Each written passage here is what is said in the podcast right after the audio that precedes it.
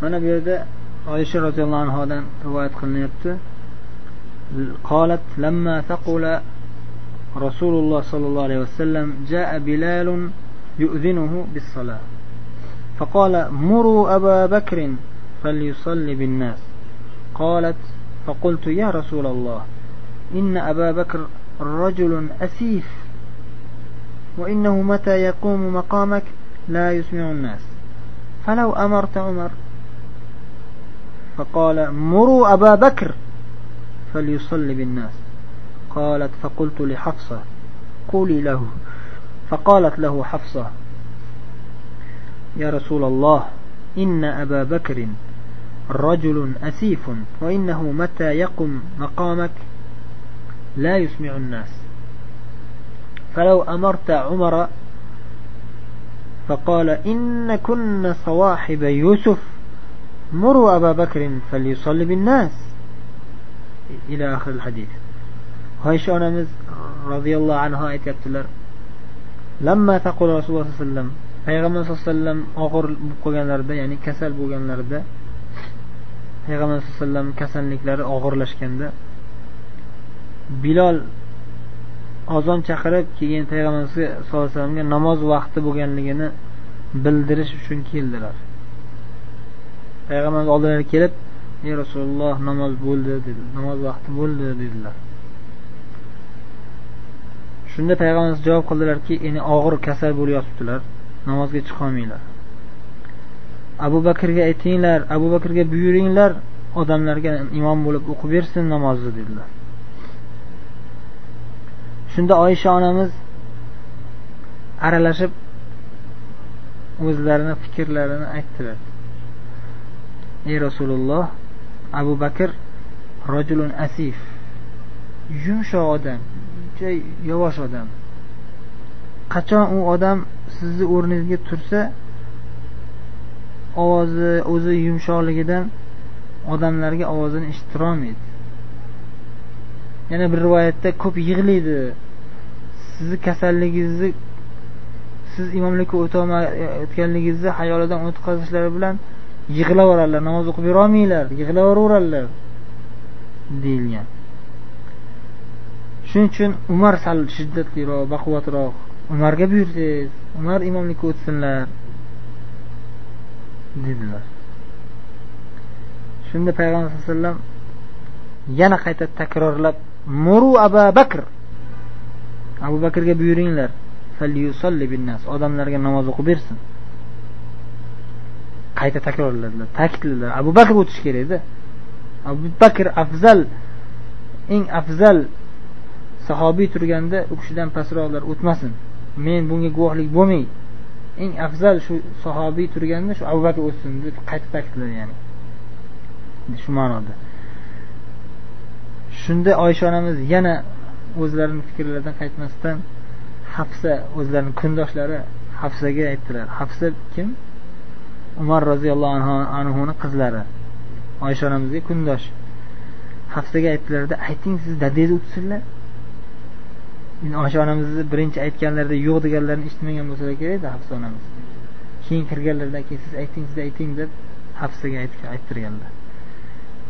Shunda hafsa onamiz ham ey rasululloh abu bakr yumshoq odamlar judayam yavash odamlar sizni o'rningizga sizni maqomingizga chiqsalar yig'lab shu e, odamlarga ovozlarni baland qilib yetkazolmanglar odamlar eshitmaydi keyin abu bakr namozini.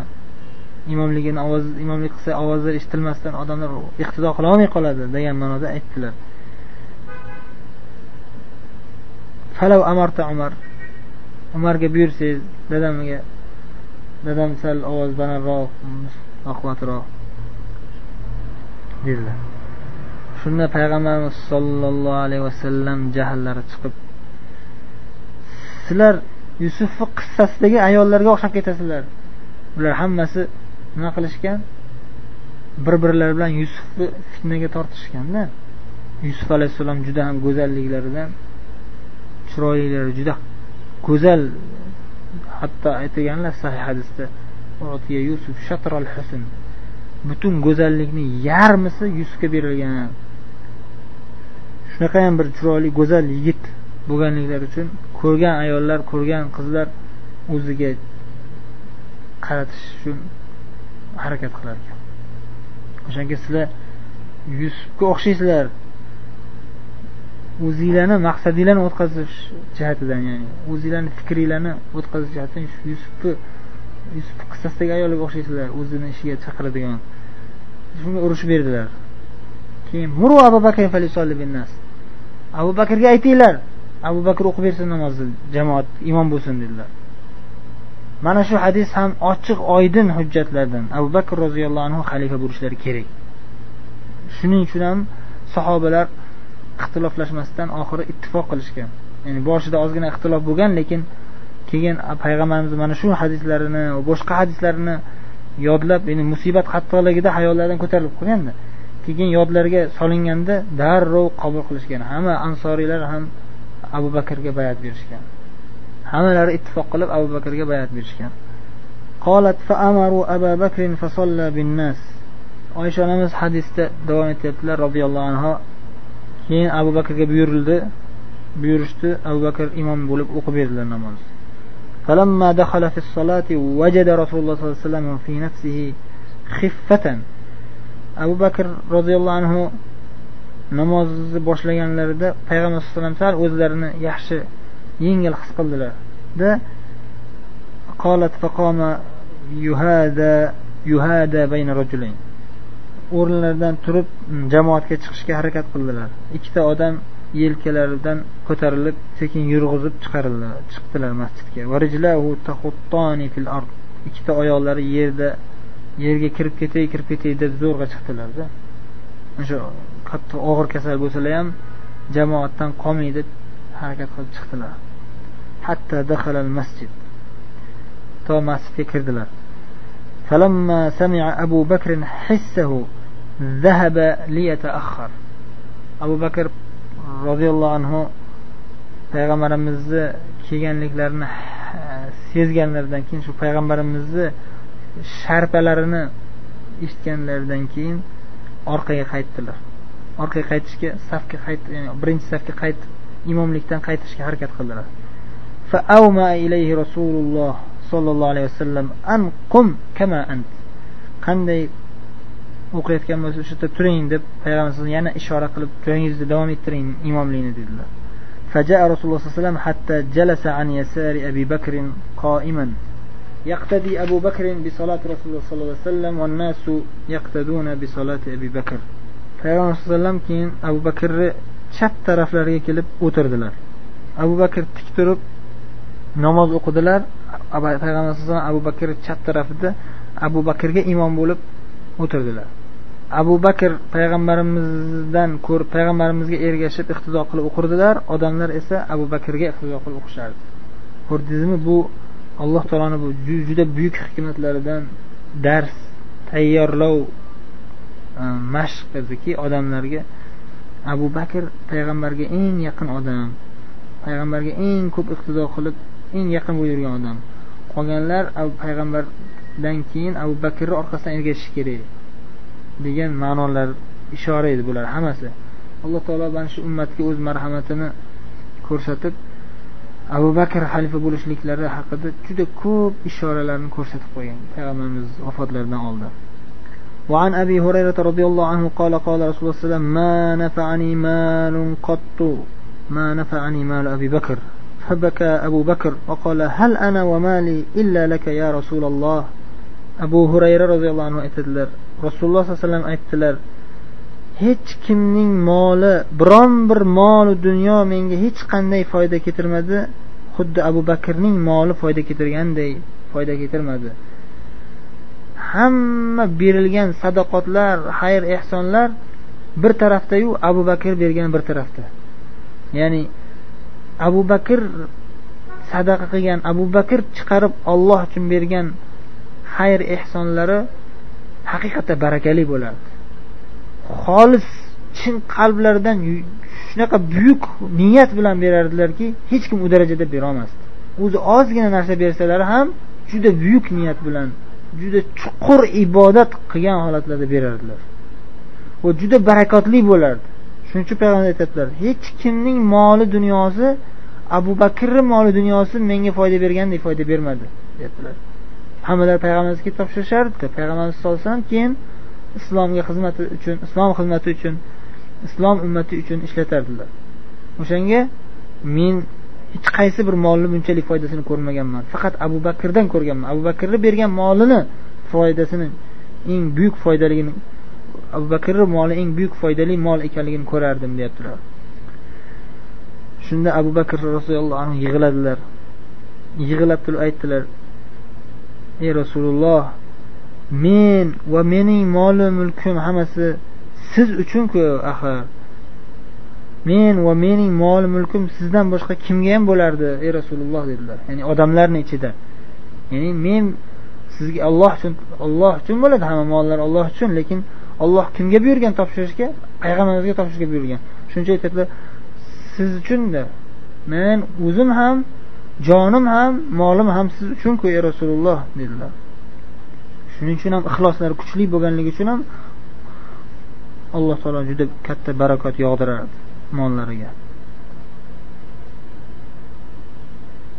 وعن محمد بن جبير بن مطعم عن أبيه قالت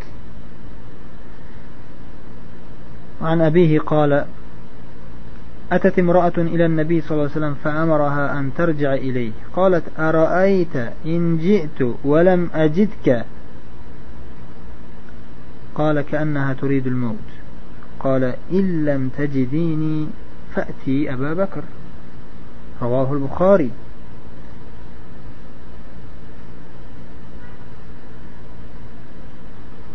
muhammad ibn jubayr mutaim dadalari jubayr mutaim roziyallohu anhudan rivoyat qiladilar. Bir ayol sahobiyat ayollardan birlari payg'ambarimiz sallallohu alayhi vasallam oldilariga keldilar. Aytdilarki bir narsa masalani so'radilar. Shunda payg'ambar sallallohu alayhi vasallam o'sha masala javobi tayyor yoki so'ragan yordamiga imkoniyatlari yo'q bo'lganmi? So'ragan narsasiga javob tayyor bo'lmasligi uchun keyin keling deb turib o'sha ayolga keyin kelish qayta yana siz hozir ketib turavering keyin yana bir bor keling mandan keyingi safar kelganingizda javobini olasiz dedilar. Shunda u ayol subhanalloh.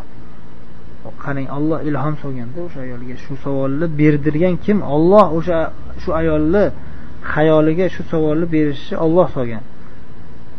O'zi bilib bilmasdan shunday bir savol so'radiki u ayol kishi sahobiy ayol keyingi safar kelsam siz yo'q bo'lsangizchi keyingi safar kelsam sizni topolmasam? Ya'ni ya'ni siz vafot qilib ketib qolsangiz dedi. Shu ma'noda ishora qilib keyingi safar kelsam sizni topolmasam kimga murojaat qilay? dedi. Shunda payg'ambarimiz sallallohu alayhi vasallam javob qildilarki meni topolmasangiz abu bakrga murojaat qiling dedilar. Demak alloh taolo payg'ambar vahiy qilganki abu sizdan keyin abu bakr davom ettiradi. Sizni xalifangiz bo'ladi degan vahiyni alloh taolo payg'ambarimizga bildirgan. Shuni bilardilar. Va shuning uchun ham aytdilar abu bakr bo'ladi deb abu bakrga keling deb وعن ابن عمر رضي الله عنهما قال كنت عند النبي صلى الله عليه وسلم وعنده أبو بكر الصديق وعليه عباءة قد خلها في صدره بخلال.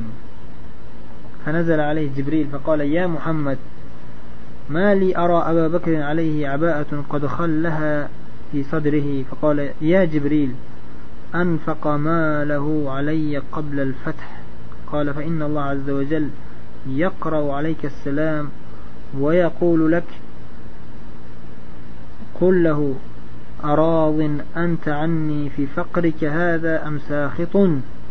فقال رسول الله صلى الله عليه وسلم يا أبا بكر إن الله عز وجل يقرأ عليك السلام ويقول لك أراض أنت عني في فقرك هذا أم ساخط؟ فقال أبو بكر رضي الله عنه أسخط على ربي أنا عن ربي راض عن ربي راض أنا عن ربي راض ibn umar rivoyat qilyaptilar payg'ambarimizni huzurlarida o'tirgandim sallallohu alayhi vasallamni va yonlarida abu bakr bor edilar abu bakr siddiq bor edilar abu bakr siddiqning ustilarida bir e, abaatun ya'ni cho'ponga o'xshagan narsa ustilaridagi kiyim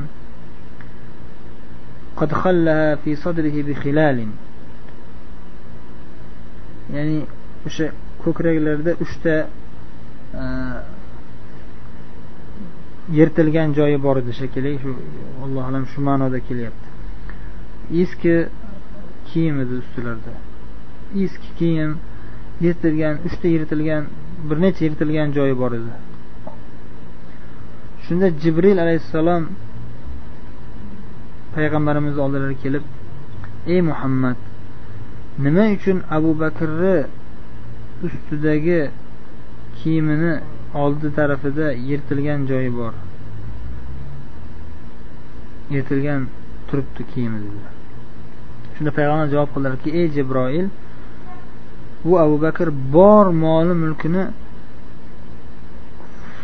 qoblal fath fath bo'lishidan oldin hammasini menga berib xayr ehson qilib yuborgan. O'sha o'zida hech narsa qolmaganligidan o'zida hech qanday mol yo'qligidan shu ustidagi kiyimi yirtiq eski kiyim kiyib o'tiribdi dedilar.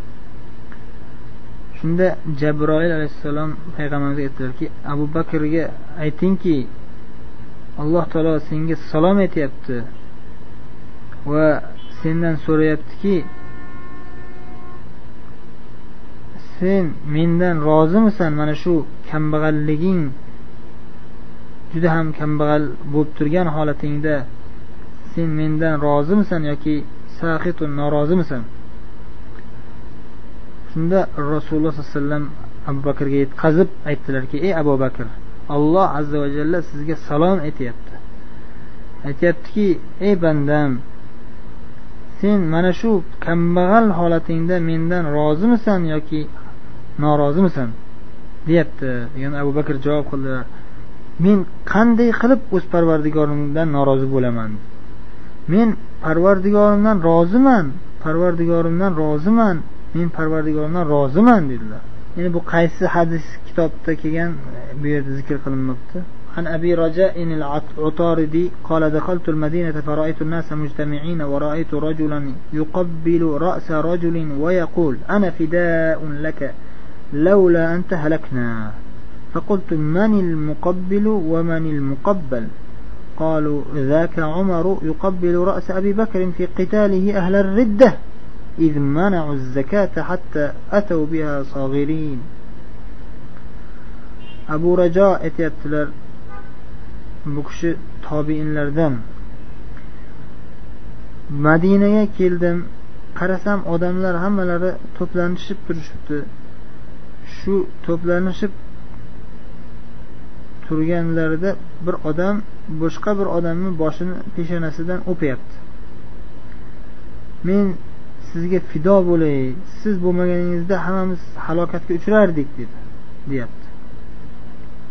Endi rivoyat qisqartirilgan bo'lsa kerak. Lavlalloh summa anta degan bo'lsalar kerak. Alloh taolo bo'lmaganda keyin siz bo'lmaganingizda summa qo'shib qo'yish kerak. Bo'lmasam shirkil shirk lafziy bo'ladi. Lafzda shirk qoladi. Alloh taoloning marhamati bilan siz bo'lmaganingizda ya'ni biz halokatga uchrardik deb peshonasidan o'pyapti. U peshonasidan o'payotgan o'payotgan odam kimu o'pilayotgan odam kim? deb so'radim odamlardan shunda aytishdiki bu o'payotgan umar abu bakr roziyallohu anhu peshonasidan o'pyapti nima uchun? Chunki murtadlarga qarshi jang qilishda abu bakr o'sha murtadlardan zakot bermaymiz deb turgan murtadlarga qarshi jang qilishda abu bakr turib berdi. Hamma qarshi chiqqan bunga. Bitta abu bakr o'zlari yo'q hammaga hamma murtadlarga qarshi urushamiz deyishgan. Endi umar roziyallohu anhu boshqa sahobiylar aytishganki mayli hammasiga qarshi urushamiz lekin birdaniga emas. Shu zakotni bermaymiz deyayotganlar har holda namoz o'qiymiz deyaptiku shularga qarshi urushmay turaylik deyishgan. Yo'q deganlar abu bakr. Namoz bilan zakotni orasini ajratganlarga shuni bittasini qilaman ikkinchisini qilmayman deb ajratganlarga qarshi albatta jang qilaman. Hammasi murtad bular. Hammasiga qarshi urushamiz dedilar. Bir vaqtda hammasiga qarshi urushganlar. Qattiq turganlar. Shunday qilmasak bo'lmaydi. Deb turganlar shunda hammalari keyin xalifa tayinlab xalifa qilib saylab qo'yishgan saylab qo'yishgan. Itoat qilishdan boshqa ilojilari choralari yo'q itoat qilishgan. Keyin natija nima bo'ldi? Natija abu bakr gaplari to'g'ri bo'lib chiqdi. Hammasiga qarshi urushganligi uchun hatta biha hammalari xor bo'lgan holatlarda taslim bo'lgan holatlarda zakotni olib kelib topshirishdi. Chunki agar murtadlardan o'sha ba'zilariga qarshi urushib ba'zilarga qarshi urushilmaganda zakotni bermaganlar musulmonlarni zaifligidan bizga qarshi urusholmayapti deb turib madinaga qarshi hujum uyushtirishardi. Islom markaziga poytaxtga qarshi islom hujum qilishardi musulmonlar zaifligidan hammamizga birdan urusholmayapti madinaga hujum qilaylik bular bu yoqda jang bilan mashg'ul bo'lib turganda biz bu yoqqa hujum qilib olamiz degan fikr kelgan ularga. O'sha fikr kelgan bo'lsa ham o'sha xatar bo'lgan bo'lsa ham abu bakr yo'q deb turib hammasiga qarshi urushdilar. Hatto madinaga hujum qilishdi madinada hech kim bo'lmasa kerak deb lekin bir jihatdan qo'rqishdi. Hammaga qarshi askar yubordi bu demak madinada o'sha yuborilgan tashqariga yuborilgan askarlardan boshqa ana askarlar bo'lsa kerak qanchadir deb qo'rqib qo'rqib kelishdi. Qo'rqib qo'rqib kelishuvdi. Madinada ozgina odam qolgan abu bakr va bir qancha sahobalar qolishgan xolos hammalari urushga chiqishuvdi haligi qo'rqib qochib ketgan. Yana bitta masalada abu bakrga qarshi turishgan. Bundan oldin zakot bermaymiz deganlardan oldin payg'ambarimiz sallallohu alayhi vasallam tayinlab ketgan jayshi usoma. Usoma jayshi payg'ambar o'lishlaridan oldin tayinlab ketgandilar. Payg'ambar sallallohu alayhi vasallam o'lishlaridan vafot qilishlaridan ozgina oldin um, adashmasam o'n bir ming sahobiyni jihodga jo'natish uchun tayyorladilar. Rumlarga qarshi. Urush qilish uchun. Shularni amirini o'n yetti yoshlik usoma bin zayd usoma bin zaydni amir qildilar. Ichida bu armiya ichida abu bakr ham bor edilar umar ham bor edilar boshqa sahobiylar ham bor edi. Shunday buyuk sahobiylar turganda usomat ibn zaydni amir qilib tayinladilar. Shunda ba'zi odamlar qanday qilib yosh yigitni amir qilib qo'ydilar deb turib e'tiroz bildirishdi gapirishdi ba'zi munofiqlar yoki iymoni zaiflar. Shunda payg'ambar sallallohu alayhi vasallam bu usomat ibn zayd amirlikka arziydigan yigit. Buni dadasi ham amirlikka arziydigan yigit edi zayd ibn horisa dedilar. Ya'ni shunda abu bakr umarlar hammalari bosh deb bosh ustiga itoat qilishgan indashmagan lekin o'sha usomani tayinlashliklarida hikmat bor edi. Shu hikmatlardan birini aytishgan o'sha imtihon. Shar'iy amir kimni tayinlasa? Hatto law ummira alaykum abdun habashiyyun ka'anna ra'sahu zabiba fa alayka bis-sam'i wat-ta'a degan rivoyatlar. Ku hadislar. Ya'ni hatto qop qora habashiy odam amir qilib xuddi boshi bitta mayizga o'xshagan qop qora mayizga o'xshagan bo'lsa ham sani ustingga amir qilib tayinlandimi? O'shanga itoat qilgin deganlar. Bu amaliy bir tarbiya bo'lgan. Yosh yigitmi katta yigitmi musulmon aqllimi balog'atga yetgan aqlli yigitmi? Amir o'zi katta amir katta xalifa katta rahbar. Payg'ambar sallallohu alayhi vasallam o'zlari tayinladilarmi boshqa hamma e'tiroz bildirmaslik kerak itoat qilish kerak. Ikkinchi hikmati yana mu'ta g'azotida kim shahid bo'lgan? Birinchi amir zayd ibn horisa shahid bo'lganlar. Birinchi amir e, jafar ibn abi tolib shahid bo'lsa zayd ibn horisa amir bo'lsin deganlar. Zayd ibn horisa amir bo'lganda u kishi ham shahid bo'lganlar. Keyin abdulloh ibn ravaha e, amir bo'lsin deganlar. U kishi ham amir bo'ladilar u kishi ham shahid bo'lib ketadilar keyin xolid ibn valid bo'ladilar o'sha qissa bilasizlar. O'sha mu'ta g'azotida zayd ibn horisa shahid bo'lib ketganlar. Endi o'g'illari usomat ibn zayd ayni o'sha tarafga o'sha o'sha zolimlarga qarshi jihod qilishga qaytib chiqib ketayotganda usomani tayinlashliklarida ma'naviy katta kuchi bor. Ya'ni bu odam usomat ibn zayd amir ekan o'n yetti yoshli bola ekanku desa kim ekan o'zi nimaga o'n yetti yoshli bola ekan bolani amir qilib qo'yibdi desa u usomat ibn zayd dadasi zayd ibn horisa mu'ta g'azotda kelib shahid bo'lib ketgan. U dadasi uchun ham o'ch oladi dini uchun ham jang jihod qiladi. Unisidan keyin dadasi uchun ham o'ch olish uchun kelyapti desa haligi kofirlarni qalbiga qo'rquv battar bo'ladi. Battar qo'rquv tushib turib usomat ibn zayd zayd ibn horisani o'g'li o'ch olish uchun kelyapti desa u katta yutuq bo'ladi. Haqiqatda shuni asorati bo'lgan ta'siri bo'lgan qochib ketishgan urusholmagan usomat ibn zaydni jayshiga qarshi chiqisholmagan rumliklar. Shu abu bakr davrida yuborilgan. O'shani payg'ambar o'lishlaridan oldin tayyorlab qo'yganlar. Shuni yubormoqchi bo'lib turganlarida kasal bo'lib qolganlar. Shu kasal bo'lib qolishliklar sababi bilan u to'xtab qolgan o'sha jayish o'n bir ming askar tayyor turishganda payg'ambar sallallohu alayhi vasallam kasal bo'lib qoladilar o'n uch kun kasal bo'lib keyin vafot qilib ketadilar. Vafot qilib ketganlaridan keyin abu bakr xalifa qilib bayat berilgandan keyin birinchi qilgan ishliklar ishlar nima bo'ldi? O'sha payg'ambarimiz tayyorlab qo'ygan usomani jayshini yuboramiz dedilar. Endi man xalifa bo'lganligim uchun mana umar manga kerak bo'lganligi uchun usoma ruxsat bergin iltimos. Biz ikkalamiz qolaylik qolgan hammani olib chiqib ketgin o'sha payg'ambar sallallohu alayhi vasallam tayinlagan o'n bir mingta odam hammasi ketsin dedilar. Bitta umar bilan abu bakr qoladi. Umar abu bakr xalifa bo'lganligi uchun umar o'rinbosar bo'lganliklari uchun qolganlar.